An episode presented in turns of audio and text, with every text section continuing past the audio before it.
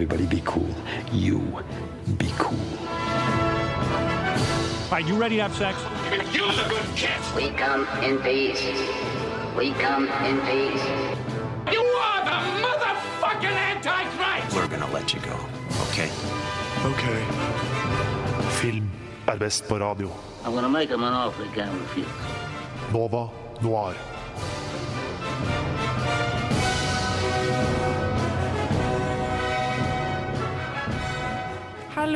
Og velkommen til Nova Noir. Du hører på Radio Nova.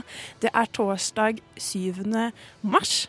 Eh, og kanskje ikke denne dagen, men eh, i morgen er en veldig viktig dag for veldig mange. Altså 8. mars, internasjonale kvinnedagen. Og det er også temaet vårt i dag. Vi skal snakke om eh, de forskjellige parolene som skal, ta, som skal gå i toget eh, på 8. mars. Og vi skal gi deg Kanskje du ikke føler at du helt har forståelse for alle parolene. Kanskje du liksom føler at du er litt utafor på hva de egentlig handler om. Men da har vi gjort det litt enklere for deg, for vi skal komme med filmforslag eh, til de forskjellige parolene. Så du kan ha noe, kanskje binge litt, og kanskje du ikke er den som orker å gå i tog, men du kan i hvert fall se en film som forteller om et viktig tema. Dette skal jeg selvsagt ikke gjøre alene. I studio med meg har vi eh, tekniker Ragnhild Bjørlykke og to helt ferske eh, nov eh, novere. Hallo. Hallo. Kan dere si, vil dere si hva dere heter? Ja, jeg kan eh, begynne. Det er da Erlend Heskestad her. Ja, og jeg heter Elise Høkås. Da vil jeg egentlig bare begynne med Hva er det du har sett siden sist? her? Jo, altså Nå må jeg gå litt lenger tilbake i arkivet, men eh, jeg har sett eh, en dokumentar fra, på NRK eh, som handler om Kennedy-familien. Dynastiet Kennedy. Som da er en liten kort serie på seks episoder. Som handler om da fra Joseph Kennedy, som er faren til John F. Kennedy, og da familien deres og historien, bakgrunnen deres. For det er jo ja, kanskje de som kan eh, kalles nærmest kongefamilien i USA. Ja. Men uh, er, klarer de å gjøre det spennende? Eller sånn, er det interessant, på en måte? Eller er det bare sånn ja, så skjedde det, og så var det Altså, Fordelen er jo at det er så mye drama i den familien, og òg så mye makt de har hatt gjennom tidene. Så det er liksom De har så mye å spille på at det, da blir det veldig interessant, siden at Ja, jeg kunne mye fra før, men det var overraskende hvor mye mer som var der, som jeg ikke visste om.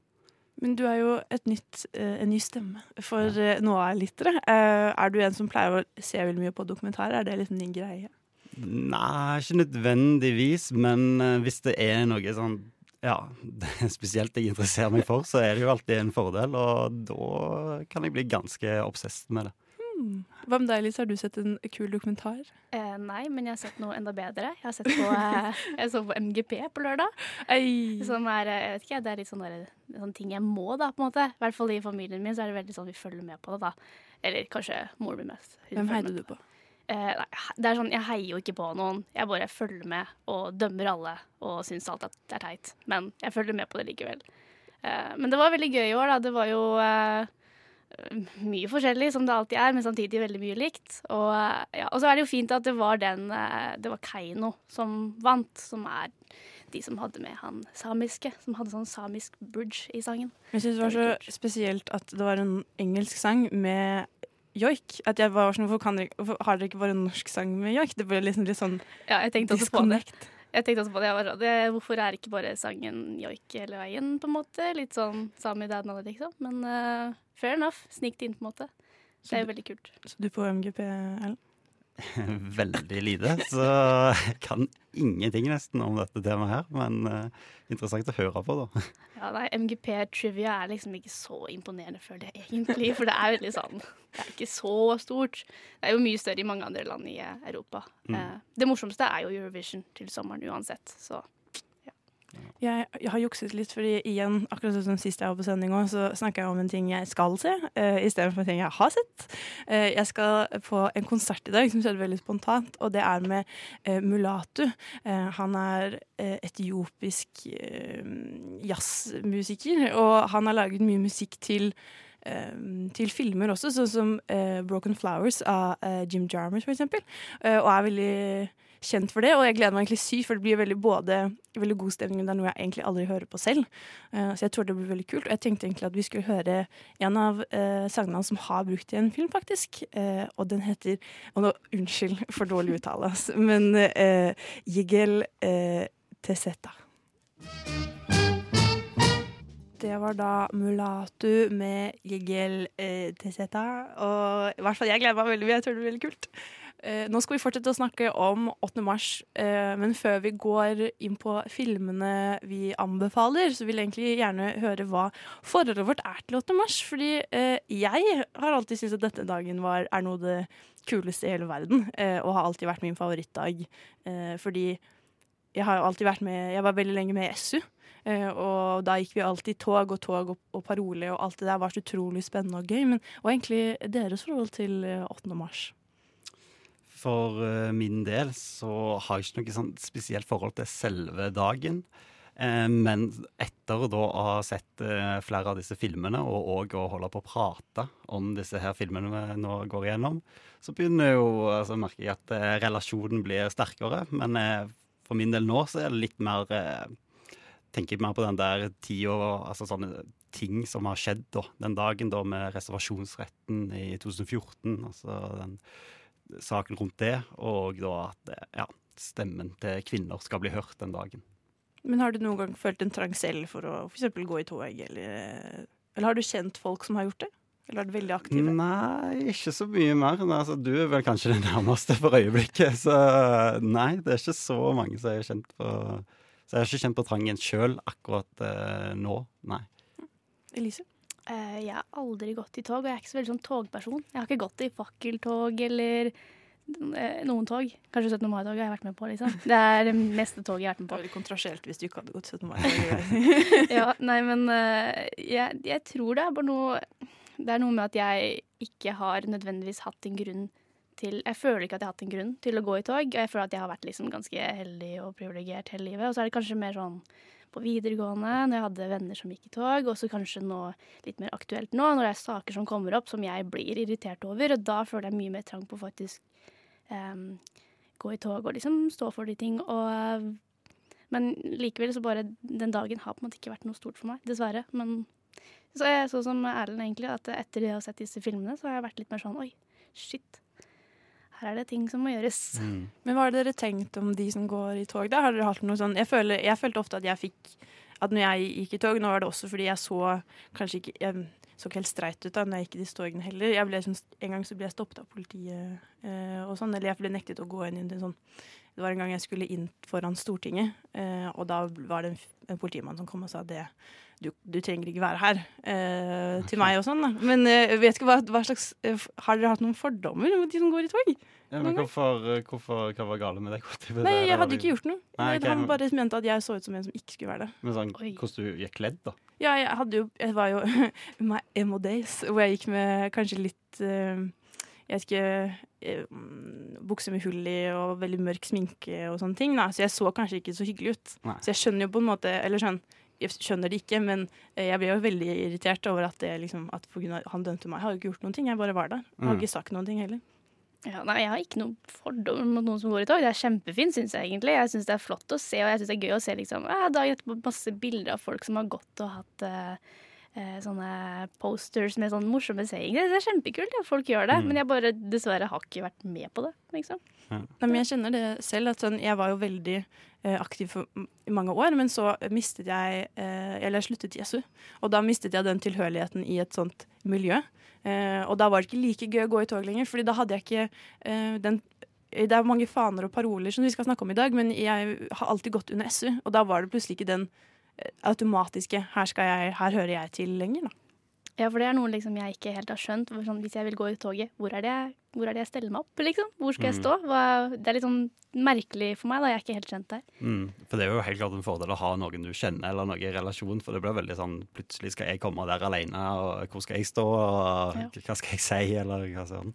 Så ja, jeg skjønner veldig godt hva du mener. Men det er kjempegøy. Altså Min favoritting er når man eh, man, altså man er der sammen, og man roper og man har heia altså man, Ofte så har vi eh, lunsj eller sånn eh, at, Ja, lunsj først. Og da sitter man og øver på eh, de forskjellige ropene, de forskjellige sangene, sammen. Og det å, husker jeg Og en fantastisk øyeblikk var eh, Vi hadde et utsagn som var Vil vi ha strippeklubber? Nei, det vil vi ikke. Og så var det en fyr som var kjempegira. Han var, da har man åtte megafon da, i toget. Så roper han 'Vil vi ha strikkepinner?' Istedenfor Og alle bare eh, Ja, eller sånn Har vi noe imot strikkepinner? Så jeg syns det er veldig gøy. Og så er det også det at man ofte kan sette seg ned på kne når man går ned Karl Johan, og så teller man til ti. Kjempehøyt. Sånn én, to. Og så bare, for da har resten av toget gått fra deg, og da spurter man eh, framover. Og da får du altså sykt mye energi. Ja, og det er, ja, jeg føler meg altså så bra når det skjer. Men hvor mange gutter har det vært liksom når du har gått? Det er et veldig godt poeng, faktisk. Jeg tror det faktisk uh, Når jeg gikk SU, så var det nok flere gutter enn kanskje, vil jeg anta da, i de andre uh, større parolene. Jeg vil tenke at Men kvinnedagen er jo for alle, på en måte. Altså, det er jo liksom for de uh, det handler jo om likestillingen, og, at, og disse, mange av disse det kommer vi til å se i de parolene vi skal snakke om, eller de fanene vi skal snakke om i dag, at alle gjelder egentlig for menn også. Det gjelder for alle. Um, men akkurat i dag så er det fokusert på kvinner og hva de blir utsatt for, da, spesielt. Og jeg tenker at eh, bare for å bygge opp den, eh, min egen nostalgi, og kanskje noen andres, og bare gi dere den følelsen man får av å gå i tog, så tenkte jeg skulle spille den sangen som jeg syns var aller morsomst å synge, eh, sammen med Det er kanskje litt venstrevendt her, da. Beklager for det. Men i hvert fall. Jeg tenkte vi skulle høre Internasjonalen.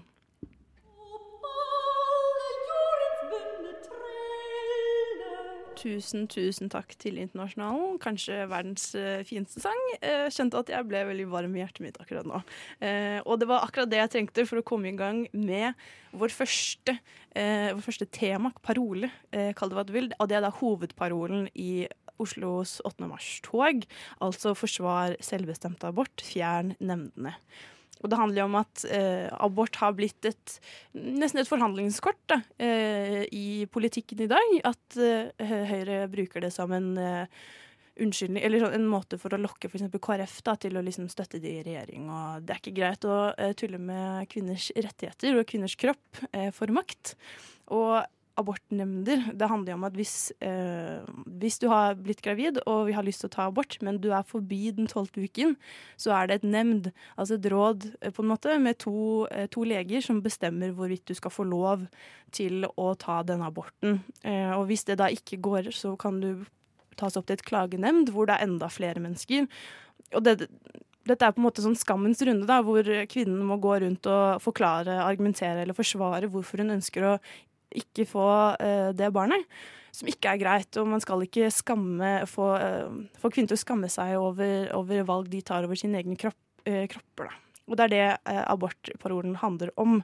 Og derfor har vi også valgt å eh, snakke om en film som tar opp nettopp det at kvinner skal ha lov til å velge over egen kropp og eget liv, nemlig 'Revolutionary Road', som handler om eh, et ektepar, eh, April og Frank, eh, som lever et tilsynelatende eh, idyllisk liv eh, i en forstad på ca. Sånn 50-tallet. Eh, og de er litt lei livet, og når de bestemmer seg for å flytte til Paris, så blusser det opp et par diskusjoner som viser at de har litt forskjellige verdier og ja, tankesett, rett og slett. We can't go on pretending that this is the life we wanted. I support you, don't I? I work 10 hours a day at a job I can't stand. You don't have to. But I have the backbone not to run away from my responsibilities. Who made these rules anyway? Just because you got me safely in this little trap, you think you can bully me into feeling whatever you, want me to feel. in a trap. Yes, You yes. in a trap. Revolutionary Road, altså fra 2008, som er regissert av Sam Mendes, også kjent eh, fra American Beauty. Og det du hørte var Kate Winslet og Leonardo DiCaprio som spiller hovedrollene, så det er jo på en måte filmen om hva som hadde skjedd om eh, Jack og Rose hadde overlevd, på en måte. Det kan man si. På en måte. Eh, og det som er veldig viktig men, eller kult med denne filmen, her, da, det, portretterer på en måte Eller det er sånn klassisk familiemelodrama da, for, plassert på 50-tallet, hvor liksom det er eh, så vakkert og fint, men så er det et eller annet kjipt som, liksom, de ligger og umler liksom, under overflaten. da. Ja, jeg så også filmen, og jeg fikk veldig Mad Men-følelse av den. Det er veldig lik feeling på det. Det er eh, 50-tallet, det er ektepar som ligger med alle andre enn eh, sine menn og koner, på en måte. Og mye røyking og veldig sånn frekk stemning, kan man si, egentlig. Og så er det én ting til. Jeg tenkte på at eh, det er jo faktisk tre stykker som Altså tre stykker som har vært med i Titanic, som er med i filmen. Det er jo ikke bare Leonardo. Hvem er den tredje? Okay. Det er hun Catty Bates. Å, Katie Bates, ja. Bates. Hun spiller den eh, eh, megleren, eller ja, som selger det i Mrs. Givings, var det ikke? Mm. Ja. Også, Michael Shannon spiller eh, sønnen hennes, litt sånn um, mentalt forstyrret kanskje, eh, sønn som hjelper de Eller som han Å, jeg elsker Michael Shannon, han er en kul skuespiller, og her så spiller han på en måte den som presser paret liksom til mot spissen, og liksom setter de veldig sånn opp mot hverandre og, utfordrer de på, på meningene sine, som jeg syns er veldig kult. fordi man trenger ofte det også, eh, fordi de er et par som kanskje ikke snakker så veldig mye om følelsene sine. Eh, og det er det som leder det er det som skjer i filmen, at det har gått så mange år. At De skulle jo egentlig leve et fantastisk liv. Hun skulle bli skuespiller, og han visste ikke helt hva han skulle gjøre med livet sitt, men de hadde lyst til å flytte i Paris, fordi det var der folk levde, og at han hadde lyst til å føle og sånne ting. Da. Men så blir, blir hun gravid, og så må de flytte til eh, forstanden, og så må de liksom bo der til de har råd til å gjøre noe annet. Og så plutselig så blir de låst i det livet da, av å bare gjøre det samme hver dag. Hun er, hjemme, hun er hjemmeværende sammen med to barn som nesten ikke er til stede i filmen. Tenkte jeg veldig mye over. Hvor er disse Mm. barna? Jeg ble bare sånn ja. Og det er særlig morsomt når de Det er en veldig bra og intens scene som er litt ute i filmen, eh, hvor de krangler ganske intenst. Og der er liksom Jeg tenkte helt bare Er det ikke, er det ikke barna? Er de på skolen? Eller hvor, Mm. hva, de var så lite i filmen. Jeg ble nesten litt sånn Kanskje det var litt dårlig planlagt. Men jeg føler også det kanskje var poenget. At, eh, de, at barna kanskje ikke var Det er jo ikke det det handlet om barna, føler jeg. Det handlet jo om at Og det er det som derfor den filmen, det er derfor Vi skal egentlig prøve å unngå eh, å spoile mange av disse filmene. Men akkurat i eh, Revolutionary Roads er litt vanskelig, fordi hun, eh, April blir gravid. Uh, på et eller annet tidspunkt i løpet av filmen, og det er rett før de skal flytte til uh, Paris. da.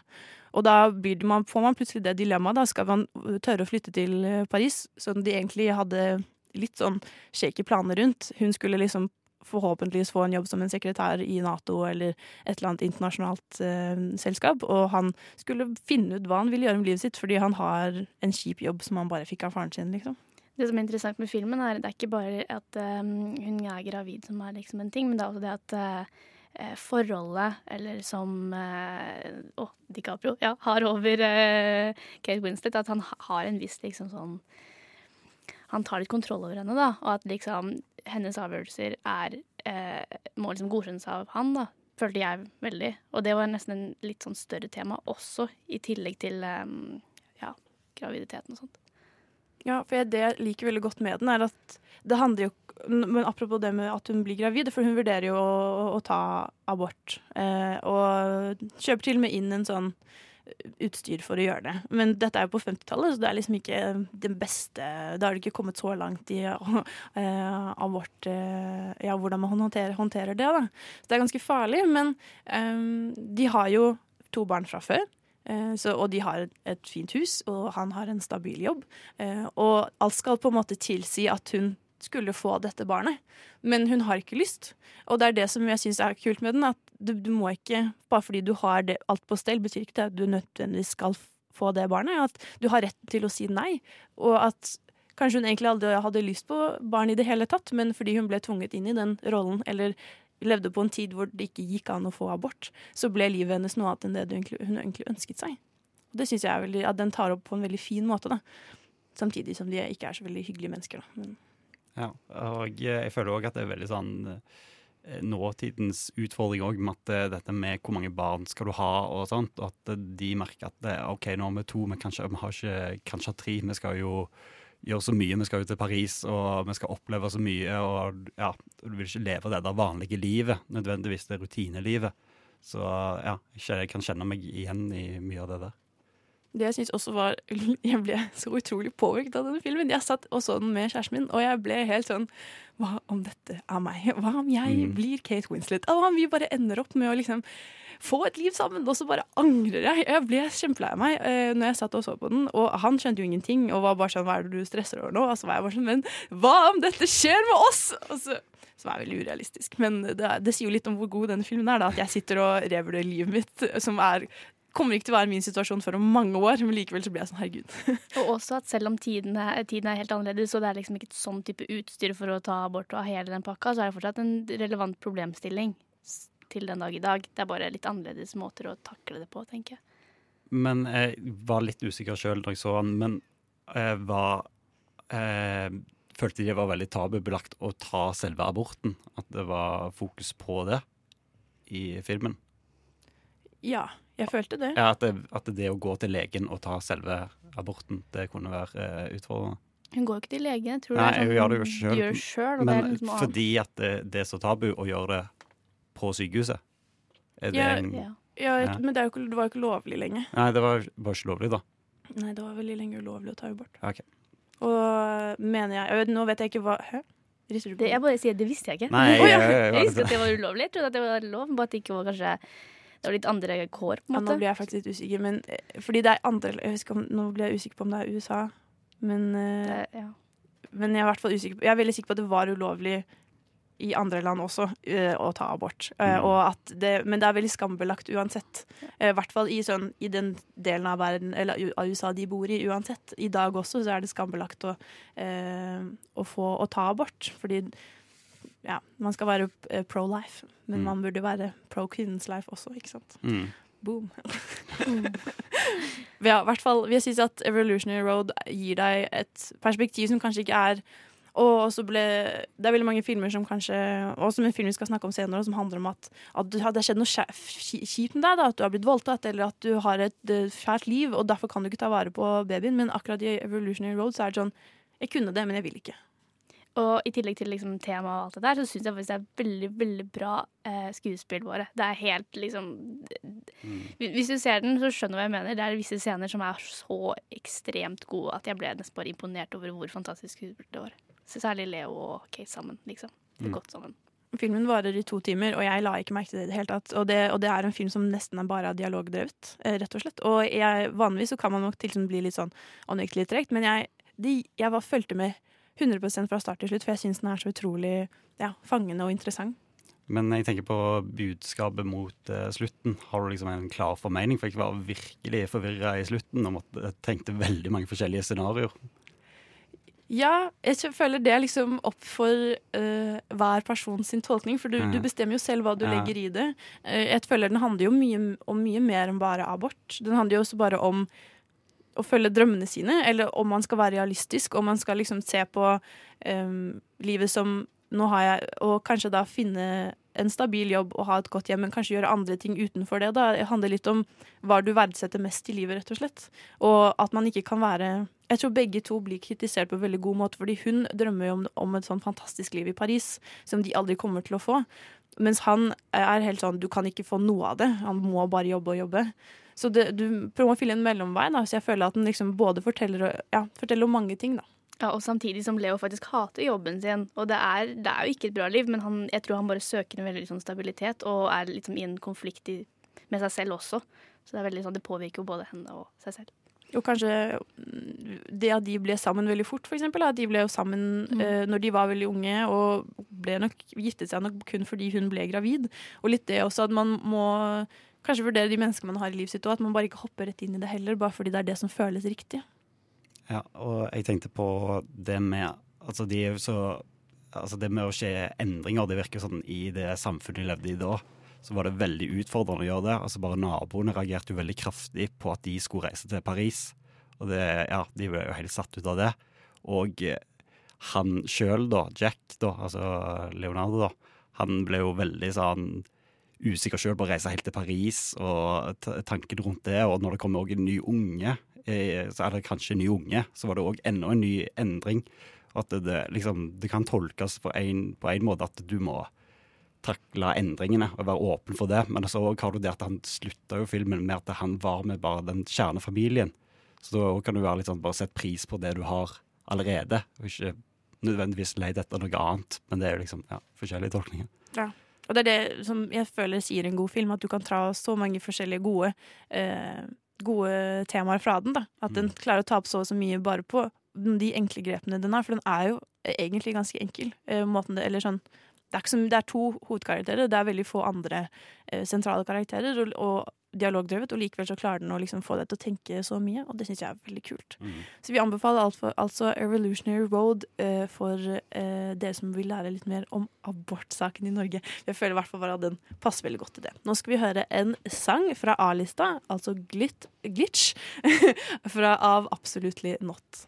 Det var da Glitch eh, med bandet Absolutely Not.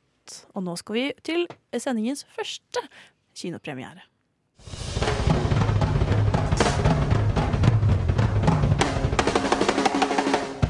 Nova Noir presenterer ukens kinopremierer.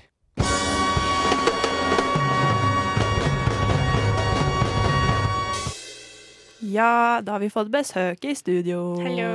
Hedvig, hva er det du har sett? Jeg har vært og sett den nye filmen eh, 'Ut og stjele hester', som er laget av Hans Petter Moland.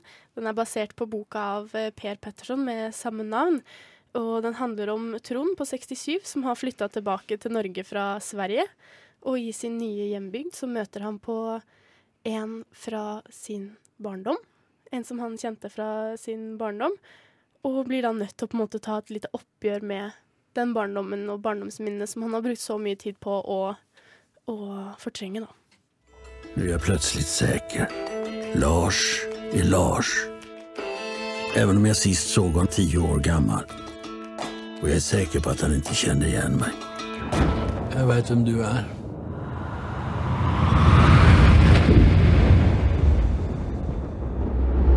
Jeg vet hvem du er også.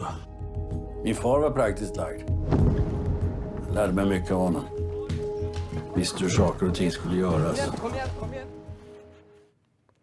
Det er jo en veldig fin film. Det er veldig mange fine ting ved den. Den er lagt opp eh, veldig sånn eh, sansende og idyllisk, og det er veldig mange fine scener fra norsk natur, og det er veldig stilige scener med, hvor de på en måte hesjer høy på den gamle måten, og det sitter jeg veldig pris på. Castingen i filmen er veldig bra. Det er veldig mange store stjerner med, holdt jeg på å si. Norske stjerner. Eh, Tobias eh, Santelmann, Stellan Skarsgård. Um, så har de tatt med Bjørn Floberg, da, som ikke er på listen over gode skuespillere. Men han må de bare slutte å bruke, for han er helt lik i alle filmer. Men um, Så den er veldig sånn Er det ikke en annen veldig viktig person som er med? Det er også en annen veldig viktig person. Jeg tenkte jeg ikke skulle nevne det. Men uh, Pål Sverre Hagen, min favoritt, er jo også med, men han har en litt mindre rolle. Men han gjør en super, super god jobb. Det er en scene hvor han uh, slår seg litt, og bare skuespillet hans der er bare så rått, og liksom Ja, han er dritgod. Han kunne sikkert Altså, nå skal jeg ikke gjøre det, da, men jeg hadde jo egentlig lyst til å trekke den opp et hakk bare på grunn av han, fordi han har så utrolig bra skuespill. Men det kan jeg ikke gjøre. Så i Jeg syns det var veldig vanskelig å gi denne filmen en karakter, fordi når jeg satt og så den, så tenkte jeg bare at det her er ingenting. Det er ikke dårlig, men det er ikke bra. Jeg skjønner ikke hva filmen prøver å oppnå. Den får ikke helt til det den prøver å oppnå, være en sånn sensory, liksom idyllisk, og liksom treffe deg på en sånn trist måte. Og hele tiden så satt jeg og tenkte at jeg tror jeg hadde likt boka veldig godt.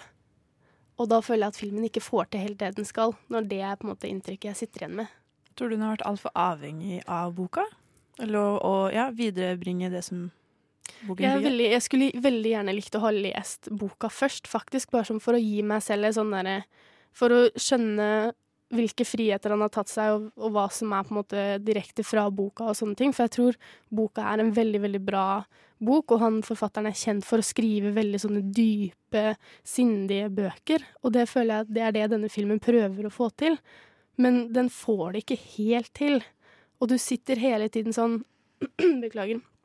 Du sitter hele tiden sånn og på en måte venter på at det skal skje noe mer, eller at du skal føle mer, eller være mer glad, eller mer trist, eller mer sjokkert, eller bare mer sånn liksom, Å, så deilige bilder. Men ingenting av det på en måte kommer helt inn. Og det syns jeg er så trist, for jeg tror det kunne ha vært Som sagt, jeg tror boka klarer det da, på alle måtene, selv om jeg ikke har lest den selv. Men kan hende at det er fordi han har ikke gjort noe sånn som dette før? Det er han som også har laget Cold Pursuit eller Mm. Kraftidiotene, og samme film. Eh, Kanskje at jeg Men tror du dette er nytt for han? Føltes det litt sånn? Liksom, Ja, kanskje. For det, det filmen klarer, da, er jo at den um, så, så vidt. ikke helt. Det er sånn det jeg snakket om i stad, hva 'fulfill' er på norsk. Og det er liksom, jeg mener den der at den klarer aldri helt å nå opp til den standarden på en måte har satt til seg selv. Og det er det jeg føler at det trekker den veldig ned, da. Men uh, fordi at ehm, mm, Ja, jeg tror den er veldig annerledes fra det han har gjort før, og det jeg tror han har tatt med seg fra de er de her fine scenene, og den er veldig sånn kamerateknisk fin, det er gøy, det er bra klipp, og det er liksom Det er mye sånne sånn gå igjennom Nå tenker jeg på Gladiatoren, hvor han går gjennom åkeren og liksom tar over, eh, over eh, havren og sånne ting. Liksom glir hånda gjennom. Det er veldig mange sånne type shots da, som på en måte tilsier en veldig sånn natur... Ja, overveldende film. tenker på de skuespillerne. Altså, Greier de å leve opp? Altså, de er jo, mange er jo store stjerner. Er liksom veldig bra, det de leverer? Ja, det, det de leverer er veldig bra, og de skuespillerne er kjempeflinke. Og det, det er Jeg tror det hjelper filmen veldig, da. At de har et så stjernespekket lag med seg. Det som er litt rart, er at det er gjort litt sånn eh, han, Det er liksom kjente, nå gjør jeg sånne gåstegn, kjente norske skuespillere som har cameos i filmen. Sånn som uh, cameo, at det er en kjent kjendis fra liksom en annen bransje eller noe sånt som bare dukker opp i filmen, og ikke har en hovedrolle. Og Jon Øigarden bare dukker opp i sånn Du ser han så vidt i en sideshot, men han har fått credit i endcreditsene. Og um, hvem flere var det? Og det var mange som bare er med sånn bitte litt. Pål Sverre hadde jo ikke en veldig lang rolle heller. Så ja, jeg husker ikke alle navn, men det er flere som bare har sånn bitte liten rolle, og så er de borte igjen. Jo, eh, Anders Båsmo Christiansen er med i én scene, og så er han vekke. Så det er litt sånn Ja. Det føles ut som de har lagt mer fokus på roller som ikke trenger det, da. Men du, du sier gåseøyne norske skuespillere, men det. Eller Stellan Skarsgård er jo Han er svensk. en svensk Men det er plassert i Norge? Ja, fordi det som eh, er Og det, her er igjen enda en grunn til at jeg tenker at jeg burde ha Jeg burde ha lest boka, liksom. Jeg tror jeg hadde skjønt mye mer. Jeg tror jeg hadde likt filmen. Jeg tror jeg hadde tatt inn over meg alt det filmen prøver på, hadde jeg kjent til boka fra før av. Men også bare sånn for å kunne peke ut sånne småfeil, hvis det er det som har skjedd. Fordi helt i starten så sier eh, Stellan Skarsgård, eller Trond, som han spiller, sier at han har bodd i Sverige i, i 47 år. Og så blir man sånn, ja, ok, hun snakker liksom kav svensk, men greit, vi, er med på den. Men han bor i Norge, får vi vite til han er sånn 15-16. Og så får vi aldri vite helt hvordan han Når stakk han til Sverige? Når Ja, nei. Da ble jeg veldig usikker på om det er bare noe de har slengt inn fordi han hadde lyst til å bruke Stellan Skarsgård, som han har brukt, Hans Petter Moland har brukt før, da. Om han bare har slengt inn for å liksom eh, justify at han har brukt Stellan Skarsgård. Men eh, nobody knows. Og i tillegg til det så, så er det helt på slutten flere liksom, steder hvor han kunne ha løpt til Sverige. Hvor de ikke på en måte påpeker at her stikker han av til Sverige. Så der hadde de en mulighet til å liksom justify det, hvis det er det de prøver på, da. Uten at det blir gjort. Så jeg er veldig usikker på om det står i boka, eller ja. Men har du lyst til å gi en kort oppsummering og en karakter til denne filmen? Ja. Jeg har lyst til å begynne med at den er Det er ikke en dårlig film, men det er heller ikke en bra film. Og veldig ofte så når den ikke opp, og du sitter der og du får ingenting.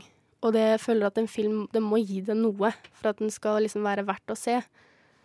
Og jeg har lyst til å si at det, hvis du vil se den, så gå og se den på kino. For jeg tror at du sovner fra den hvis du setter den på hjemme på DVD. Og på grunn av det eh, så har jeg lyst til å gi den fire av ti. Ok. Mm. Spennende. Altså fire av ti til Ut og stjel hester. Mm. Eh, Det var da Hedvig som ga denne anmeldelsen. Eh, Da skal vi snart over på eh, den andre parolen for i dag. Men før det skal du høre Courtney Barnett med pedest sangen 'Pedestrian at Best'. Hei, dette er Trond Espen Seim, og du lytter til Nova Noir. Pedestrian at Best med sangeren Courtney Barnett. Og da skal vi over på den andre eh, parolen i dag. Yes, nå skal vi snakke om eh, seksuell trakassering. Eh, og dette er et område da som har vært mye i media, og jeg har fulgt mye med på sjøl. Og da er det jo selvfølgelig metoo som har vært den store kampanjen rundt det. Og selve symbolet, føler jeg, på metoo er jo da Harvey Weinstein, som da var en av de som på en måte fikk det i gang. Og dette her da eh, har jo gjort at det har blitt en form for eh, nulltoleranse da, for eh, trakassering innen f.eks. filmverden, og så har det jo òg skjedd innen politikk og lignende. Men allikevel så er det jo ting som skjer ennå, som da ikke kommer så tydelig fram. Og denne filmen vi da skal snakke om nå, eh, viser veldig mye av eh, dette her, og eh, hvor viktig det er å ennå fortsatt minne folk på det. So I'm back living with my folks. Only now I got two more mouths to feed. The mine's hiring, you know. Wouldn't you like to make the same kind of money your dad does? The mine pays six times what I'm making now. You want to be a lesbian now? I want to sue the mine, the company, all of them. You can't win. None of those women will take your side. Whether you win or lose, you stand up.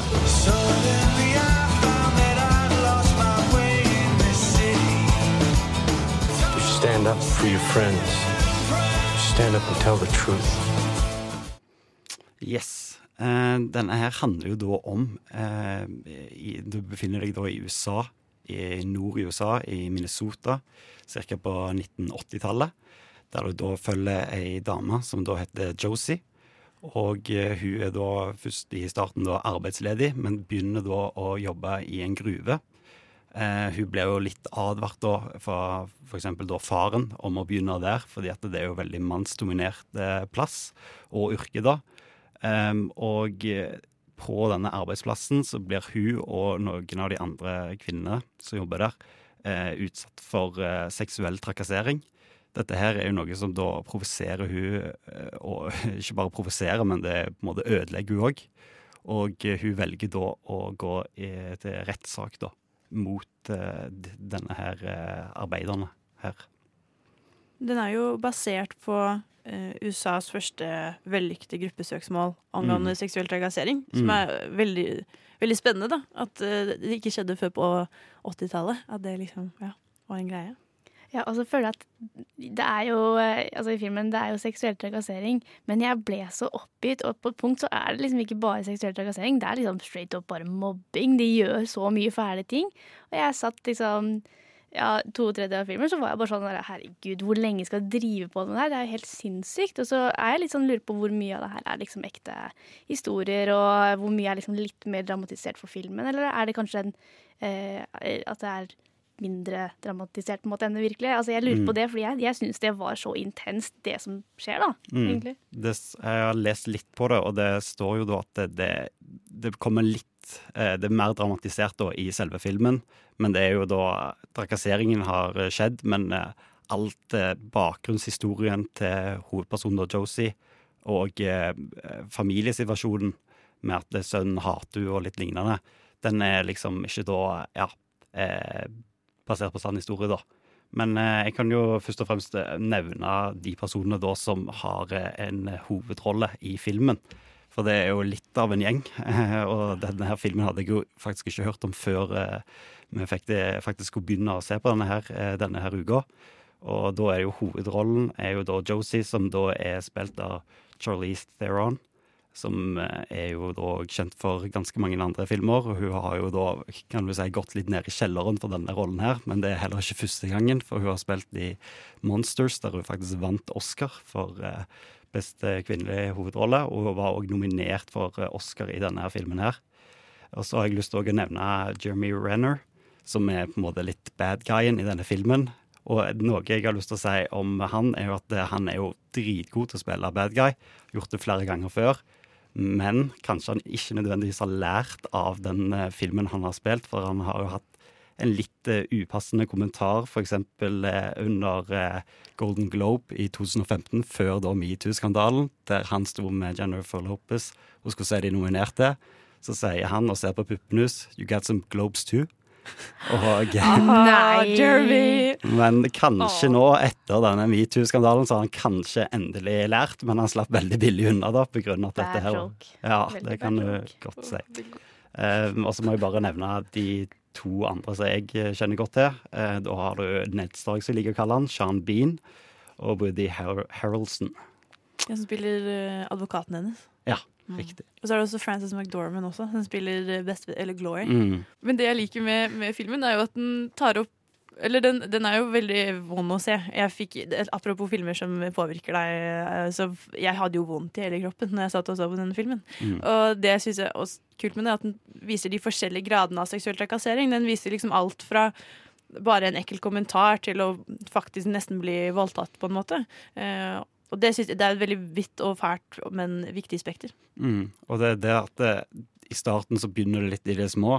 Og det er mye sånn småting som du òg har sett før i livet ditt sjøl, og det er jo veldig bra at du, du registrerer det og forstår òg for andre, da. At ja, kanskje ikke det er så smart, de der små tingene de faktisk sier der. Og så bygger det seg jo da helt klart videre opp. Ja, jeg synes det var morsomt, fordi det er veldig tidlig i filmen når hun eh, innser at hun må ta jobben eh, på gruvefeltet for å eh, ha nok penger til å forsørge barna sine og slikt. Og det første reaksjonen er jo at ja, så du, du, er, du er lesbisk, da. Det er litt morsomt at det var sånn å ja, fordi hun tar en litt sånn røff jobb, så er hun plutselig lesbisk, liksom. Allerede der så starter det, på en måte. Og da, da ble jeg bare oppgitt. Og jeg føler liksom den generelt er veldig frustrerende å se på, for det er så mye sånn urettferdighet. Og at f.eks. bare faren sier Han jobber jo da på denne gruven. Og da når han opplever at hun blir trakassert, så sier han til konen, da, altså moren hennes, at she asked for it når hun begynte å jobbe der. Og du har òg ja, eh, andre scenarioer som er òg helt uforståelige. At folk reagerer helt i feil retning. Ja. Det som er trist, er at denne filmen er fra 2005. Det er, liksom, det er 14 år siden, og den er fortsatt relevant og fortsatt eh, setter seg i deg. Og blant, man ser det i filmen, så er det jo lite, en liten TV-skjerm hvor de har et klipp fra, med Anita Hall, hun som eh, anmeldte Hun var advokat som anmeldte eh, Clarence Thomas, eh, som nettopp hadde blitt an, eh, fått en stilling i Supreme Court eh, i USA for seksuell trakassering. Eh, også veldig lignende det som skjedde i fjor med, med, med Brett Kavanaugh og, og Christine Balsley, Ford. Eh, det er liksom Det skjer fortsatt, eh, hele tiden, og det er vanskelig, og det, du blir liksom når du sitter, Hun blir jo utsatt for så mye skam og så mye løgner og så mye mobbing. Eh, bare fordi hun har lyst på rettferdighet. Da. Og det, det, det virker jo så åpenbart at, sånn skal, at hun skal jo få det hun fortjener, men det er jo ikke sånn det funker i dag. på en måte. Og også enda liksom nyere nyheter, så er det en, eh, det er en uh, artikkel skrevet av de tre unge jentene som går på Er det barneskolen eller er det ungdomsskolen de går på? Jeg tror det er De er barneskolen. 14. 14 ok, ungdomsskolen, da. Mm. Ja, som også forteller at det er, det er jo trak seksuell trakassering der òg. Og det er altså ikke bare arbeidsplass, men også på andre arenaer. Og at det er en aktuell ting. Det er jo helt sykt å tenke på. At det, ja, helt fra den gang da til nå. Mm. North Country er altså en veldig veldig vond, men kul og, og uh, viktig film å se. Uh, og absolutt, dessverre, veldig relevant i dag. Uh, og er en av de som forteller litt om hvorfor er alt trakassering en av de viktigste parolene eh, under 8. mars-toget i år. Nå skal vi eh, videre til en eh, sang.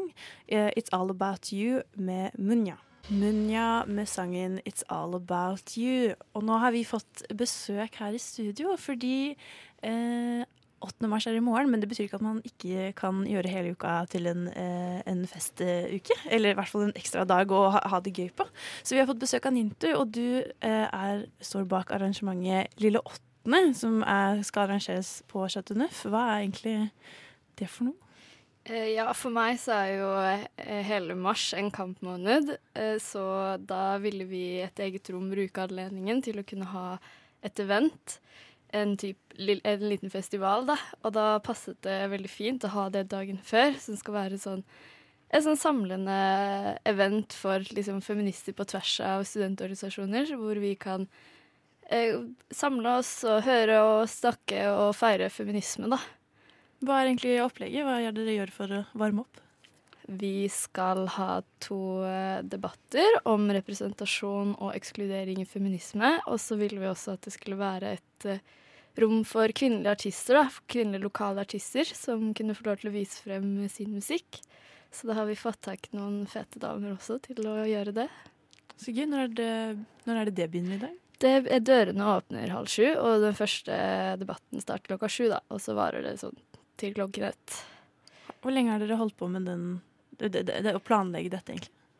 Ja, vi begynte vel tidlig i februar en gang, da, så det ble litt sånn siste liten Eller vi har jo hatt litt tid, da, men ikke så mye tid som man skulle. Men det har jo blitt bra uansett, så Men du, du er jo med i feministprogrammet Et eget rom.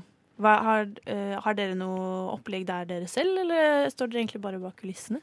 Nei, denne gangen står vi bak kulissene. Vi har gjort masse annet uh, denne måneden. Vi hadde jo livesending på Femfest uh, forrige helg, og skal ha livesending på Humsom bibliotek på UiO i morgen. Så, så har vi liksom vært opptatt med det også. Så denne gangen har vi stått bak for innholdet, da.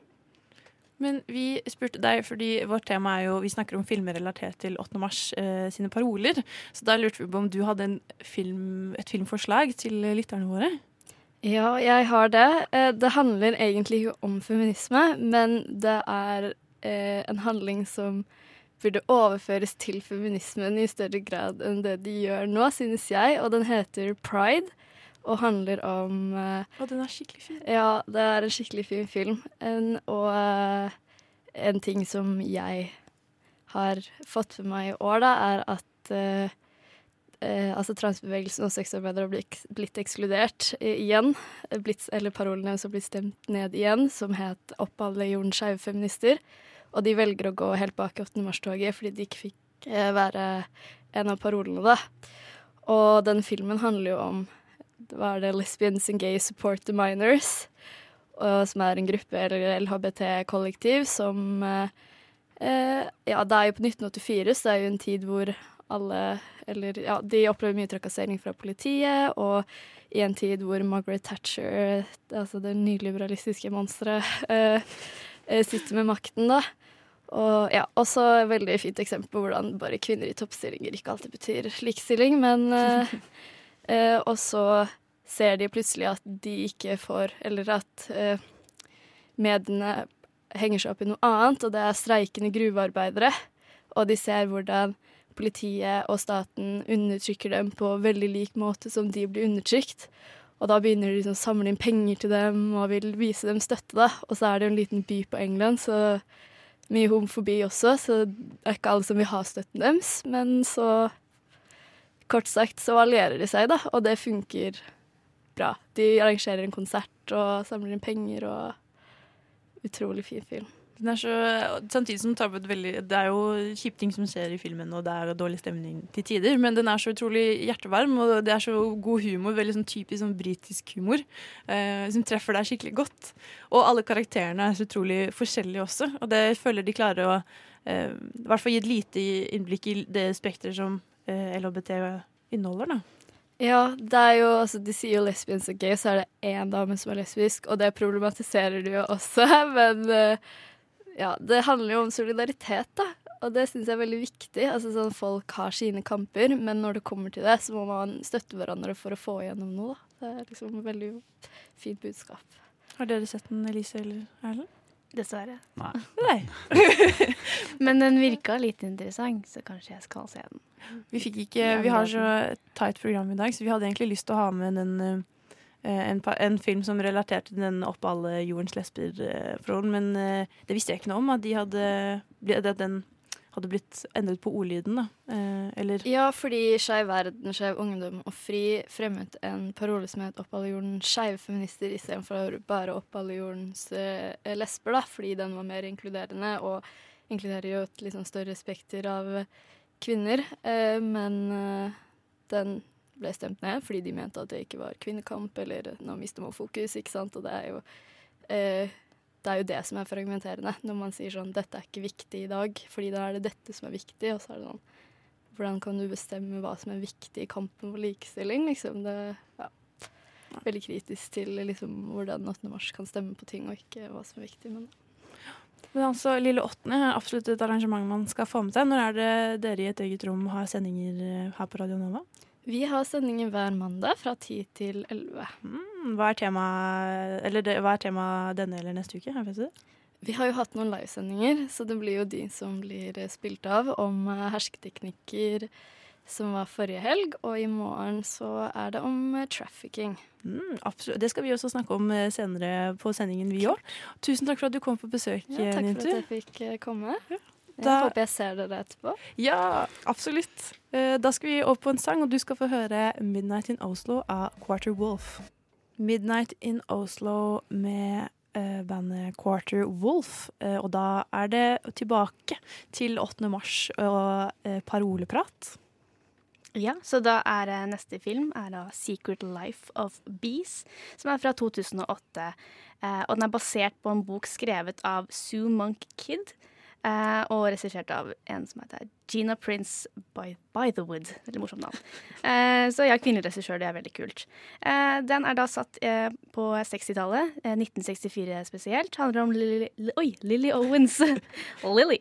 Lily Owens, som bor i South Carolina med sin hushjelperske, vil jeg si, Rosaline, og hennes eh, ja, far, som ikke er så veldig hyggelig. Han er abusive og eh, mishandlende, var det jeg tenkte på. Ja, eh, så her er litt av traileren. Who we got here? I'm Lily, and this is Rosaline. We need a place to stay. You see, my mother died when I was little, and my dad just got killed in the track tracks on our farm. We're on our way to Virginia, except I don't have money for a train ticket or a motel, and not that anyone would take in a Negro woman, even though it's a violation of the Civil Rights Act. All right, this one's dedicated to all my honeys. Baby, I need your loving. Got to have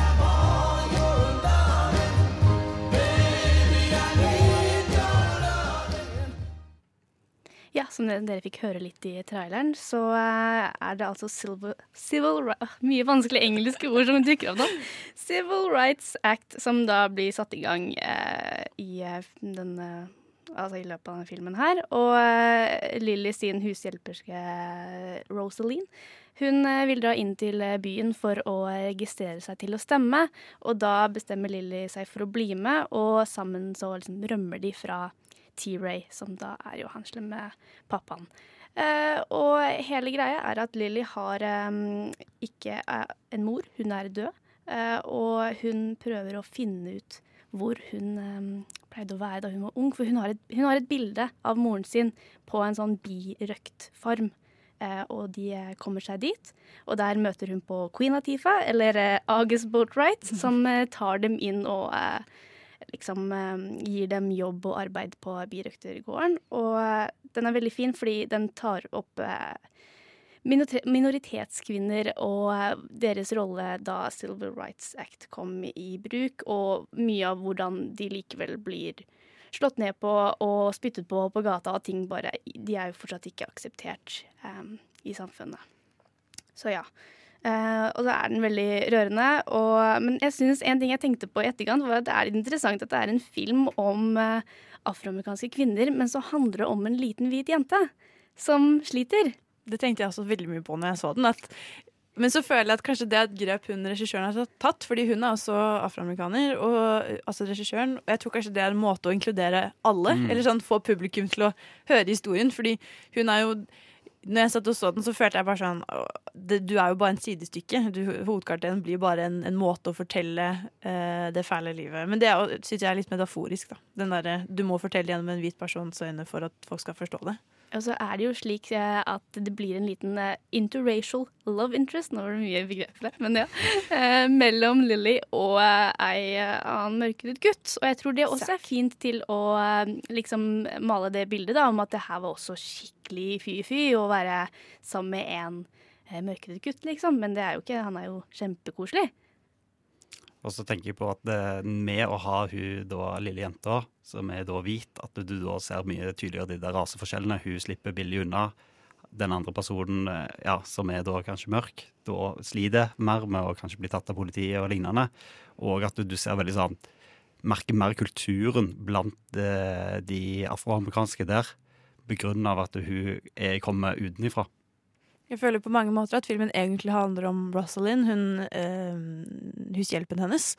Eh, Fordi hun lever kanskje ikke det kuleste livet eh, som eh, hushjelp for en eh, veldig dysfunksjonell familie. Og så kommer de til det biehjemmet, da, eller der hvor de har honning. Veldig dårlig forklaring på det der de bodde, men i hvert fall der August og, og hennes søstre bor. da. Eh, og ser plutselig at det er sånn livet hennes egentlig skal være. At hun skal kunne drive med noe hun virkelig vil gjøre, og at hun skal få lov til å bli, lære, lære om musikk og eh, kunst og ting som hun egentlig brenner for. Og det er det jeg syns at eh, den parolen også står for. At altså, minoritetskvinner se oss, hør oss, gi oss arbeid. At det er så mange kvinner i Norge som blir sittende hjemme og ikke gjøre noen ting, og ikke få muligheten da, til å lære seg norsk, norsk eller få et verdig liv, fordi de ikke blir tilbudt de arbeidsplassene da, som de egentlig fortjener. Mm. Og så er det interessant, fordi eh, en eh, kommentar som Lilly. Lilly gir til um, eh, Rosalind når de ankommer eh, eh, byhjemmet, så sier hun eh, Oh, they're so cultured. I never knew a black woman were like that. Og det sier jo også litt at hun også ble vokst opp med liksom, noen fordommer om at ja, de var kanskje De var sikkert dumme, og de var bare liksom hjelpefolk, og det var liksom ikke De, og, de hadde sånne sånne jobber, på en måte. Men det at hun er overrasket av at de her er så, kulturelt, ja. Så likte jeg veldig godt at uh, han faren da, som kommer veldig sånn i starten, framstår litt sånn pure evil-type, hvit mann. Vi har det vanskelig, men han blir òg fremstilt at uh, du skjønner hvorfor han er sånn han er. Og at, ja, at du får virkelig sånn menneskelig perspektiv over han. Ja, altså Secret Life of Bees eh, er da den filmen du burde se. Det finnes jo mange filmer sånn som Hidden Figures og sånn, som tar opp nettopp den verdien eh, som ligger i å gi minoritetskvinner arbeid. Eh, og det er absolutt en veldig viktig sak, eh, kampsak for mange. Så Secret Life of Bees eh, burde du få med deg. Eh, nå skal du få høre Til havet av Intet alltid. Til havet med Intet alltid, enda en sang fra eh, Radio Novas A-liste. Og nå er det over på parolen 'Pornofri barndom, ja til nettpornofilter'. Eh, veldig viktig og brennende tema for mange, i hvert fall uh, de med barn. Uh, for det handler jo om at uh, nå på nettet så kan man du finne alt hele tiden. Det er liksom, du kan gå på skole-PC-er og søke på grove ting og få det opp, og det skal det ikke være. For du, blir, du får vrang- vrang- vrangforestillinger for hvordan kroppen din skal se ut, hvordan sex skal være, um, og bare forventningen til Altså kjønns, um, kjønnsroller og sånn blir også forsterket gjennom uh, pornografi, da. Så uh, Stortinget har lagt fram at de skal uh, sette ned et utvalg som skal vurdere tiltaket for å beskytte barn mot nettporno og seksualisering. Um, og KrF har også fremmet forslag for å gjøre det enklere eller pålagt å ha tilgang til et uh, internettfilter, sånn at alle blir, får muligheten til det med en gang de har tilgang til internett. Og at uh, pornosider blir blokker, blokkert fra, uh, fra grunnskoler, og at alle pornosider uten eh, alderskontroll eh, blir blokkert helt utilgjengelig for alle. Eh, og det, ja, så det er jo for å unngå at barn skal eh, få, eh, få dårlig virkelighetsoppfatning. Og derfor har vi eh, bestemt oss for å snakke om filmen Don John fra 2013, som nettopp handler om hva som skjer da, om du blir for avhengig av pornografi. Fordi John er fra New Jersey, og han har det perfekte kroppen, familien, vennene og får ligg når enn han vil. Det eneste problemet er jo at han er avhengig av porno, som gjør og ødelegger også eh, at han har en ja, dårlig Han har for høye, for høye forventninger til livet, og det ødelegger forholdene rundt han. She caught me watching porn. That's it? Right? Oh! How do you watch that? How do you watch all the stupid movies you watch? Movies and porno are different, John. They give awards for movies. They give awards for porn too.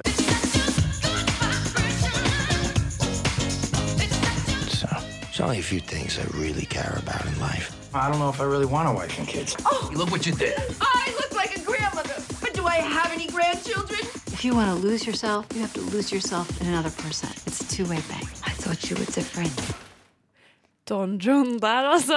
Veldig morsom, fin trailer. Og du, som du hørte, så er det Joseph Gordon-Lewitt som spiller hovedpersonen, men det er også han som regisserer og har skrevet filmen. Så han har jo tatt en liten Brad Pitt og eh, plassert seg selv i eh, sentrum da, av denne filmen. Og du har også Scarlett Johansson som spiller Barbara, som er uh, the love of his life. Uh, hun er også veldig kjent fra ja, Lost, Lost in Translation og um, Her, for eksempel. Og så har du en annen uh, veldig sterk kvinnelig rolle. Julianne Moore spiller Esther, som John går på natt kveldsskole med. Da. Eh, som kommer inn i livet hans etter hvert, eh, hun òg. Og det syns jeg er veldig kult eh, med John, er at han er ikke bare resultatet av Altså, han har ikke bare feile forhåpninger i sex. Han er liksom han er utrolig nedsettende. Han øh, setter kvinner på en skala fra én til ti om hvorvidt han har lyst til å ligge med dem. Og han har liksom et veldig standarduttrykk for du skal ha store pupper, du skal ha den og den rumpa, du skal se sånn og sånn ut, oppfør deg på den måten. Og så er han veldig sånn nedlatende mot de vennene som vil ha det motsatte av han, for eksempel. Eh, ja, så jeg syns det bare er en veldig, veldig forferdelig, gøy og trist film, egentlig. At man, mange, man kjenner alle en fyr som er sånn som John. Ja, det syns jeg er litt trist at alle kjenner en fyr som er sånn John. For jeg, altså, jeg eh, liker veldig godt Joseph eh, Gordon-Levitt i 500 Days of Summer, og der er han en sånn skikkelig uskyldig kontorkar som er bare sånn Han er så skjønn, og det er liksom det forholdet jeg har til han. Og når jeg så den filmen her, så var jeg bare sånn Nei, det ødelegger bildet mitt av han. Han går Altså, det er jo det er jo i New Jersey, det er liksom Jersey Shore og Scarlett Johansson og det er liksom hele ak aksenten deres. Hele, jeg blir bare sånn Nei, vær så snill. Bare måten han går på, sånn med skuldrene veldig høyt hevet og bare tar utrolig mye plass. Jeg, liksom- jeg får sånn vondt i magen av å se på det. For jeg blir bare det er, og det er det som er kult, at han bare utfordrer seg selv helt sykt og bare overreagerer ja, til tusen. Ja, og så føler jeg jo at det, altså Du har jo sett mye av dette her før. altså Hvordan han da skala til 1 til 10. Og dette her er jo veldig sånn vanlig i ungdomskultur å prate mye på den måten. Og da når du da som òg ung kan se på denne her, så ser du jo da hvor eh, det hjelper å se hvor patetisk måte, det høres ut som når du ser det utenifra. Ja, for det er jo det at de drar på, eh, ut på bar hver kveld og bare Ja, se på hun i blå. Hun er Nei, hun er sju. Nei, hun er åtte. Hun er Nei, hun er fire. Og så diskuterer, diskuterer de det veldig, og det er liksom Måten de sier det på, er jo veldig eh, korrekt med hvordan det kan være, men du ser også tydelig, som du sier, at det er jo skikkelig teit og litt ekkelt. Men det, de gjør et poeng ut av det at han har jo eh, På grunn av porno så eh, klarer han ikke forholde seg til hvordan verden egentlig fungerer. Og det er også det som er tilfellet med Barbara. Bare at hun ser på romantiske filmer eh, og forventer seg at det er sånn et ekte forhold skal være. Og at eh, mann skal oppføre seg på den måten, og kvinner skal være på den måten. Eh, Og hun er jo like formet av eh, mediene, eller ja, av nettet som han er, bare på en helt annen måte. Og hun mener jo hun liksom for, sier jo at han er ekkel og fæl fordi han ser på porno, men som han påpeker, hun er jo like ille selv. Ja, det er bare at det er en annen form for porno, på en måte. Det er liksom det, er det romantiske forholdet som hun er sånn Å, du skal jo være sånn, du skal være sånn. Og er eh, også veldig sånn Egentlig ganske lik han. eh, som er veldig interessant. Men en ting jeg tenkte på til den saken her, er jo at eh, det var jo Var i høst eller vår, så var det den serien med Line fikser kroppen, hvor hun viser Eller hun fikk to, et par, som hadde sex på en episode.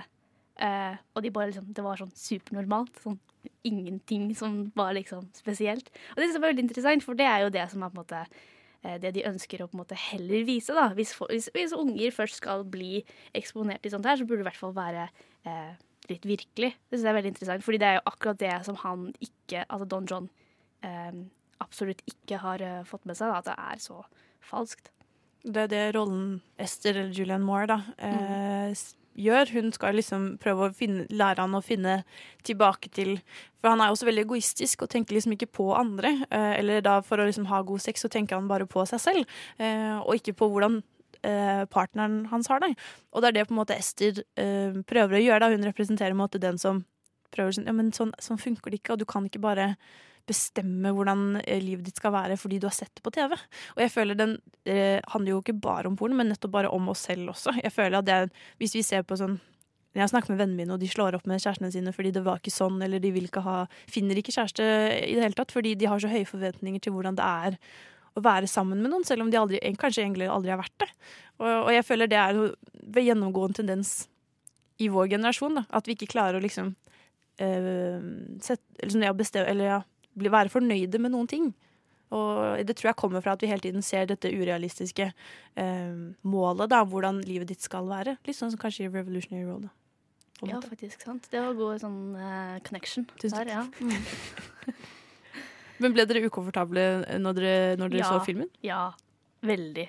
Jeg var sånn, jeg følte jeg måtte skru ned lyden. Og liksom, altså Ingen skulle se at jeg så den. Det var ikke noe jeg var, eh, Nei, jeg liker ikke sånt. Beklager. Jeg så jo den på kino når den gikk, og da sitter du jo med voldsomme grimaser og når du sitter og ser på det, for det er jo alle slags mulige folk som sitter rundt deg og ser akkurat på det samme, og kjenner på en veldig en kleinhet eh, over det.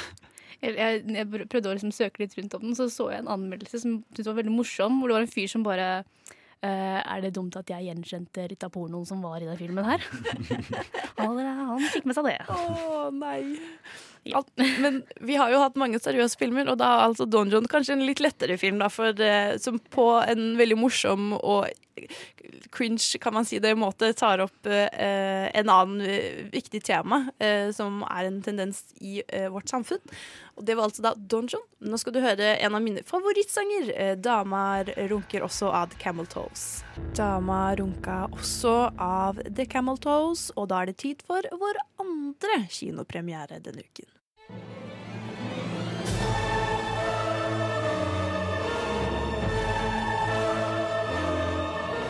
Well, hello, Mr. Fancy Pants. I got news for you, pal. You ain't leading but two things right now Jack and shit. And Jack left town. Nova Noir gir deg ukas filmnyheter. Ja, så eh, jeg har da sett eh, Captain Marvel, eh, som er, kommer nå ut til helga. Det handler da om eh, Carol Danvers, en tidligere US Air Force-pilot, som eh, hele tida blir liksom fortalt at hun er altfor følelsesladet til å være en helt eller være en kriger. Og eh, sammen med sin bestis og tidligere kollega fra Air Force, Maria Rambo, så jobber de da sammen for å kjempe en sånn intergalaktisk krig, samtidig som de redder menneskene på jorda fra ødeleggelse. Your life began the day it nearly ended. We found you with no memory. We made you one of us. So you could live longer, stronger, superior. You were reborn. I keep having these memories. Something in my past is the key to all of this. Ja, så eh, handlingen i Captain Marvel er litt sånn kompleks, så jeg skal prøve å liksom ta det litt sånn kortfattet. Eh, vi møter altså Carol Danvers. Eh, hun sliter med mange sånne minner som hun liksom våkner opp som drømmer, da. Eh, og så eh, er hun da bor med Cree-folket, som er en type sånn alien-rase. Eh, hvor hun eh, trener med en fyr som heter Jan Rog, eh, som er spilt av Jude Law. Eh, og de skal da ut i kamp, for de har fått et oppdrag av eh, en sånn eh, elite som kalles for Supreme Intelligence, da. De skal da bekjempe et folk som heter Skrull, eller Skrull-folket. Og de er ganske farlige, fordi de kan shapeskifte til hvem som helst. Så det er jo dritvanskelig å bekjempe folk, fordi de shapeskifter til en av de på laget sitt, og så vet ikke hva som skjer. Eh, hun ender da opp med å rømme og faller eh, ned på planeten C35, også kjent som Jorden. Eh, så ja. Eh, filmen er jo satt i eh, 1995, og den utnytter veldig mye av at det er litt morsomt at det er 90-tallet. Eh, mye sånn eh, eh, ja, gamle logoer. De har liksom en scene hvor eh, en gammel Windows-PC er kjempetreig, og liksom De spiller en del musikk. Altså, hele filmen er jo eh, eh, lagt på musikk som er fra den tiden. Eh, og det er jo morsomt i starten, og så blir det litt overdrevent, og så er det litt sånn he-he, vi skjønner vitsen. Eh, så jeg syns det ble litt, kanskje litt for enkelt, den humoren, og det på en måte strekker ikke helt til gjennom hele filmen. Eh, samtidig så er jo som alltid med Marvel-filmer veldig veldig gode visuelle effekter. Som for eksempel, de fikk jo um, Samuel. Jackson og eh, Clark Gregg til å se 25 år yngre ut, som er veldig uh, morsomt, fordi uh, de ser jo kjempebra ut i denne filmen her.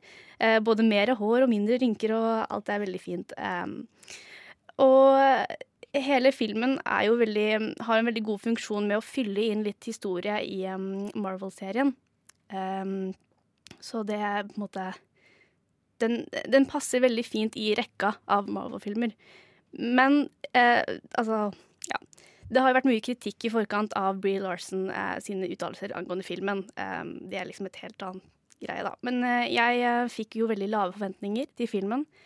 Og den gikk veldig over forventningene mine. Eh, for hun er en veldig tøff og dreven og motivasjonsfull kvinne. Og eh, har liksom et stort ønske om å gjøre godt.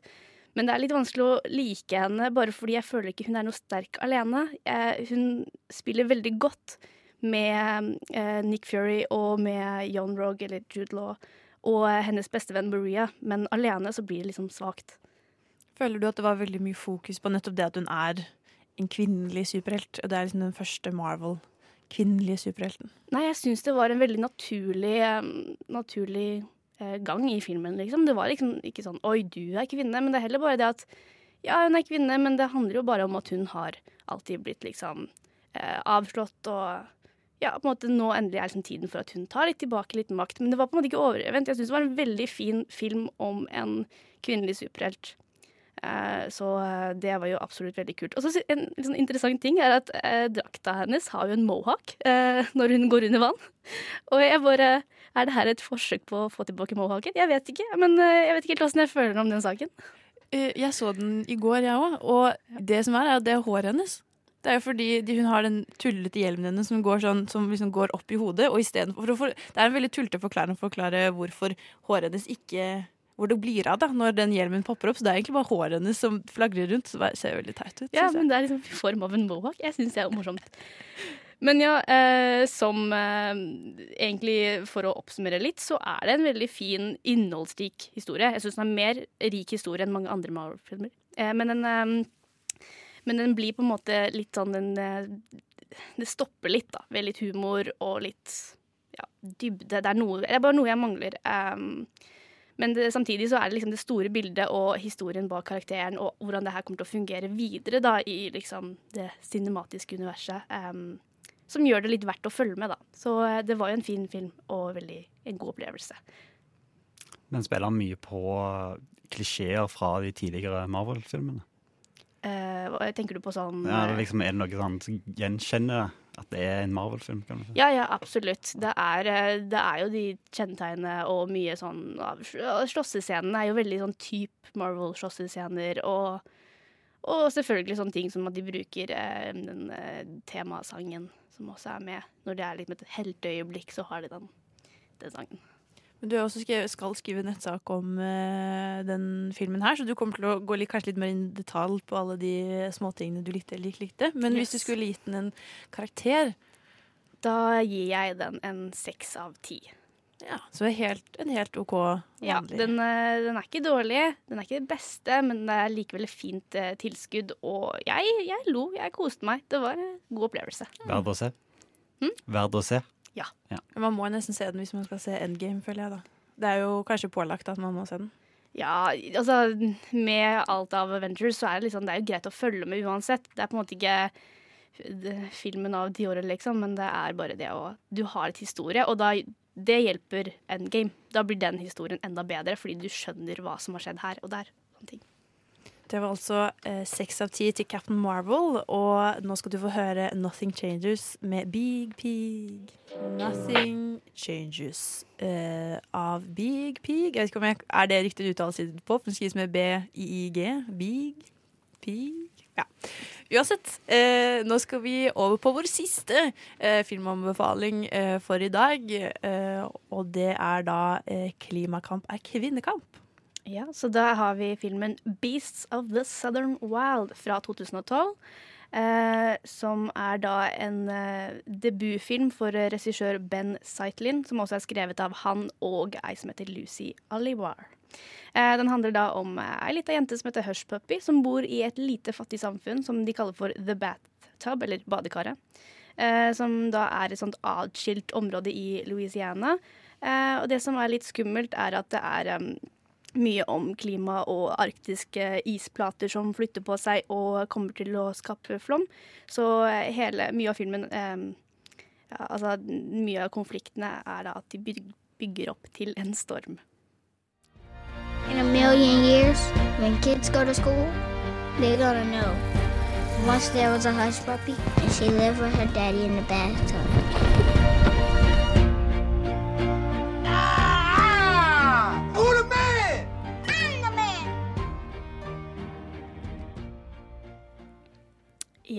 Så i Beast of the Southern Wild så møter vi altså Hush og hun bor jo med faren sin eh, Wink.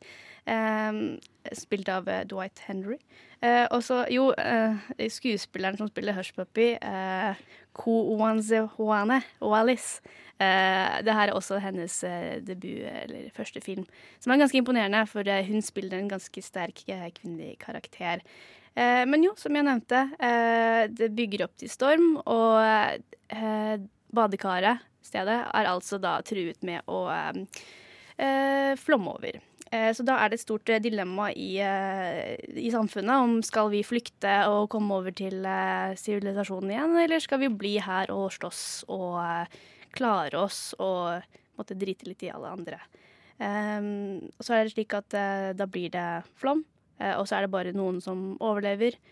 Og så blir um, Hushpuppy veldig Jeg vil si hardt oppdratt av eh, faren sin til å være en kriger og være et beist. Det er, et, eh, det er en veldig fin eh, scene hvor um, de spiser på en måte middag, eller de spiser um, eh, krabbe. Uh, og eh, ei annen fra samfunnet uh, viser Hushpuppy åssen hun skal spise krabbe. At hun liksom skal knekke av en bit og sånn og sånn. Så kommer eh, Wink, eh, faren, og bare Nei, du skal spise som et beist, du skal gjøre sånn og sånn. Og så um, står hun og gjør sånn der muskelpositur og er liksom ber om å skrike og brøle, og hun skal være så tøff, og han lærer henne å fange fisk og Veldig Egentlig veldig fint, men samtidig er han litt syk, så det er veldig Veldig sånn Ja. Rough relationship. Man får jo på en måte eh, mer og mer innblikk i den sykdommen han har, fordi det, du er litt sånn usikker på om han er bare ja, om det er psykisk eller om det er faktisk kropp, og du skjønner jo kanskje etter hvert at den galhet, og hvor han er så gal, det er kanskje fordi han nettopp er veldig redd for å miste Hushpuppy, fordi moren hennes har jo allerede forsvunnet. Eller sånn, det er jo litt ut, vanskelig å skjønne om hun har dødd eller om hun har dratt et sted, eh, men i hvert fall hun er jo ikke til stede, da, og hun Hushpuppy de jo later som at hun er der og snakker med en sånn der basketball eh, eh, sånn eh, som om det var henne og sånn. Og den er jo Jeg elsker eh, sånne filmer som blir fortalt gjennom barns øyne. Eh, litt sånn som i The Florida Project, som eh, kom ut i fjor. Hvor du forteller om veldig seriøse og kjipe situasjoner eh, gjennom et uskyldig barn. For da blir det på en måte For det første så blir det fortalt på en veldig enkel måte, og på veldig sånn subtile grep. Men samtidig så får du et veldig sånn sterkt inntrykk da, av hvordan det er å vokse opp der. Eh, Det som er veldig, eh, jeg syns var litt sånn rørende interessant, som jeg fant ut i etterkant, var at han som spiller faren Wink, Dwight Henry eh, Han er egentlig ikke en skuespiller, det var også hans første film. Han ei, eier, eide da eh, sitt eget bakeri, som heter Henry's Bakery. Eh, og greia var at det bakeriet var eh, rett ved castingkontoret som jobba med det her. Eh, og de var så gode venner at eh, de eh, sa til Dwight Henry sånn Ja, hvis du er interessert i noe, så er det bare å ta kontakt. Så var han på audition for denne rollen, og så likte jo han så godt at han fikk den, men så hørte ikke noe fra han. Og så fikk de til slutt kontakt, og så er det slik at han skuespilleren da er fra New Orleans, og da han var liten, så var det en orkan, husker ikke helt navnet på den, eh, som traff byen. Og han husker selv at moren hans plasserte han på hustaket, og ja, de greide jo det, men det var jo en ekstremt traumatisk opplevelse. Og han henta jo mye av det inn i skuespillet, som jeg syns er veldig liksom, fint at de bruker skuespillere som ikke er kjente, og, um, og liksom ha litt mer å tilføye historien. Er, sånn- tenk om liksom Zendaya skulle vært jo lille jenta. Du hadde ikke hatt samme feeling på det. Uh, men ja. Og det er faktisk det er noe jeg lærte, lærte i går, er at det er inspirert av noe som heter neorealisme. Som uh, opprinnelig er fra Italia, som kom etter andre verdenskrig. Hvor de brukte ukjente skuespillere for å fremme en krigsscene for å få den til å virke mer nært. da. Og det syns jeg virkelig er noe som er fint med Beasts of the Southern Wild, er det at de faktisk bruker disse menneskene for å fremme um, en veldig reell uh, historie. Og det er jo sånn at i Louisiana så er jo også det her problemer. Og jeg føler jo at de har et veldig sånn fiendtlig forhold til Vesten, for det er jo på en måte deres feil at uh, Eller ja, ja, um, ja, Vesten sin feil at uh, badekaret kommer til å over, oversvømme, da. Fordi det er liksom de arktiske uh, platene smelter og alt sammen. Uh, og de blir til og med forsøkt å liksom bli hjulpet av liksom, eh, det siviliserte samfunnet, og det blir også helt feil, fordi de tar det jo bort fra hjemmet sitt og, og tenker at det, de forstår ikke hvorfor de lever det livet de lever, da. Og det syns jeg ja, Det var en kul beretning på hvordan eh, vi kanskje ikke helt forstår, da, eh, eller bare dømmer folk fordi altså, de skjønner ikke bedre, og de bare bor der fordi de ikke har noe bedre, på en måte. Men det er jo et samfunn, og de fungerer så veldig godt sammen. Og likevel så bare er det våre, våre handlinger som ødelegger for livene deres, da. Mm. Jeg føler jo at det er veldig sånn retta mot kanskje da Vesten, og det er ikke bare Vesten, men de landene da som Kina og andre som da er blant de som forurenser mest. At du ser hvem som faktisk blir ramma hardest av det. At de begynner da forsiktig med at det skjer, at det, det vannet stiger. Men de greier seg, de greier å tilpasse seg. Men siden denne klimaendringen skjer så fort eh, at eh, det til hvert vil gå utover dem, og verre og verre blir det. De har jo sånn eh, vortesvin da, som er hele tida med, som da tyder på hele tida når det blir vanskeligere og vanskeligere, så er det òg det å greie å forstå hva som er selve symbolet med denne vortesvinet, da, som er, jeg syns iallfall var utfordrende. Men sånn, Jeg har sånn halvveistanker rundt det, men etter hvert så vil tror jeg at tanken er at det, vi i nord òg vil merke det etter hvert. Det begynner hardest der, men etter hvert så vil det òg oss bli ramma av dette. Det er jo øh, det som i den parolen 'klimakamp er kvinnekamp', så er det jo nettopp det at uh, det er jo de som blir mest rammet av global oppvarming, er jo nettopp de som er mest avhengig av uh, naturlige ressurser, og også de som har minst innvirkning på øh, på miljøet vårt, eller ja, på, på, på jorda. Og det er de, så det, det er en veldig urettferdig fremstilling, og også majoriteten av fattige er også kvinner. Og Det er derfor det er liksom fokusert på at eh, ja, nettopp klimakamp er kvinnekamp. Eh, og så er det jo slik at i filmen så blir de til slutt eh, Det kommer sånn helikopter og sier at dette her er et område som dere må Altså de prøver å kaste dem ut da, rett og slett av um, The Bathtub. Eh, og da blir jo de satt på sånne flyktningsleir, vil jeg si. Altså som en sånn le eh, legested. Altså, ja, de blir tatt eh, hånd om egentlig, og det er egentlig liksom for å hjelpe dem, men det er jo også det, ja. De ønsker jo ikke å være der, og så syns jeg det er et veldig kult øyeblikk hvor Hush Puppy, som er tøffe jenta, er i en sånn dritstygg blå Eh, liksom søt pikekjole, og er på sånt eh, på, i en sånn barnehage, holdt jeg på å si, med mm, en klasse med andre jenter som da ja, Det er bare en stor kontrast da på hvem hun egentlig er, og identitet, og det er ja, veldig bra scene. Jeg har bare lyst til å spørre akkurat det der med vortesvinet, da. Om hva symbol dere egentlig tenker rundt det, uten at dere spoiler for mye. kan man si. Ja, fordi den, det er jo et, et forhistorisk, en forhistorisk gris som hun Fordi det er en dame som har den tatovert på leggen, og det blir liksom en del av hennes eh, opplæring, eller sånn læring om det beistet. Og det blir jo liksom en, en karakter utover filmen som begynner bare som at han er en oppvåkning, og så til slutt ender med at han raserer mange flere skoger, eller i hvert fall alt den går, kommer over, da. Og jeg vet ikke helt. Ja. jeg. Jeg føler kanskje det kunne jo blitt eh, Kan jo representere rett og slett bare klimagasser. Fordi det er klimagasser som har vært fanget inni isen.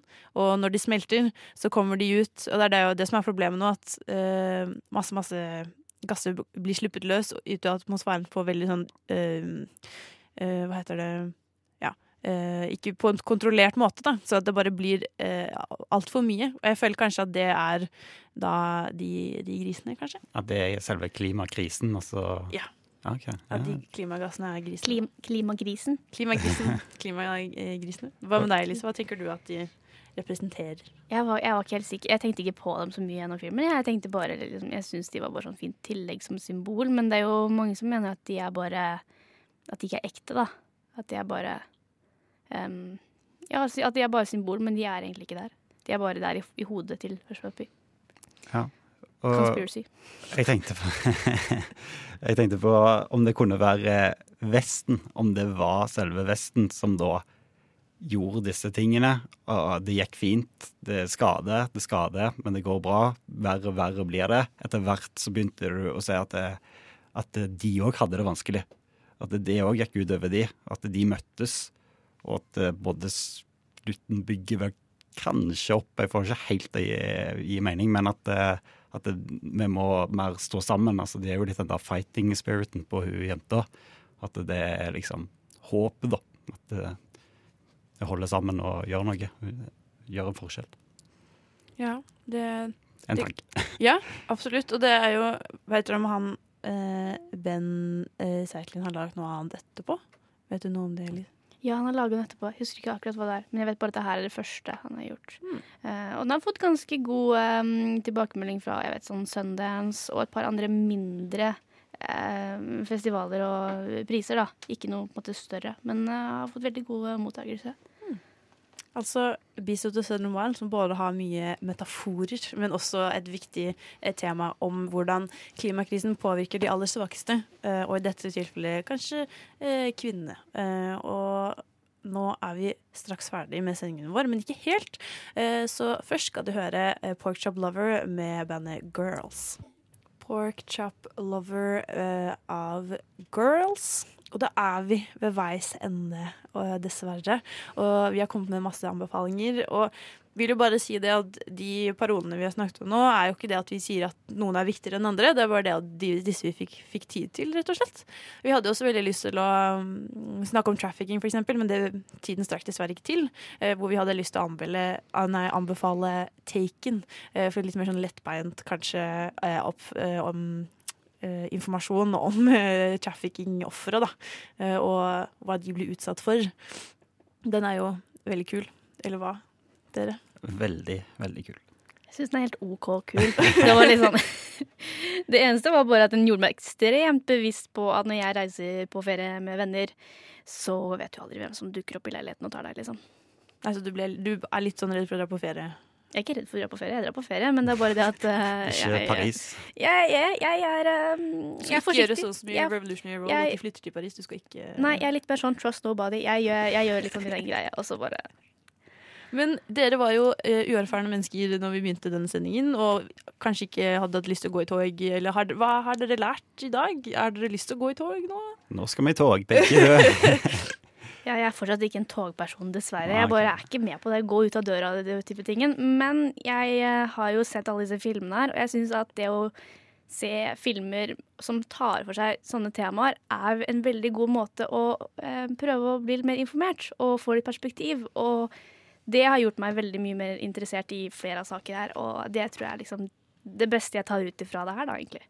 Vi har jo snakket om uh, utrolig mye i dag. Vi har fått besøk av Nintu fra et eget rom, som har uh, snakket om uh, Lille åttende. Alle sammen burde komme på, på det i dag. Og så har vi også fått en anmeldelse av Captain Marvel, altså seks av ti fra Elise. Også Ut og stjele hester har fått fire av ti av Hedvig.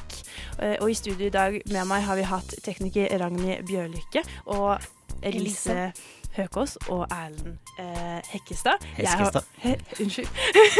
Eh, som er helt ferske på lufta i dag. Og dere er veldig veldig velkomne til Nova Noir, og vi gleder å høre mer fra dere framover. Og det håper jeg dere lyttere også tenker. Jeg har vært Ina Elisabeth Sletten.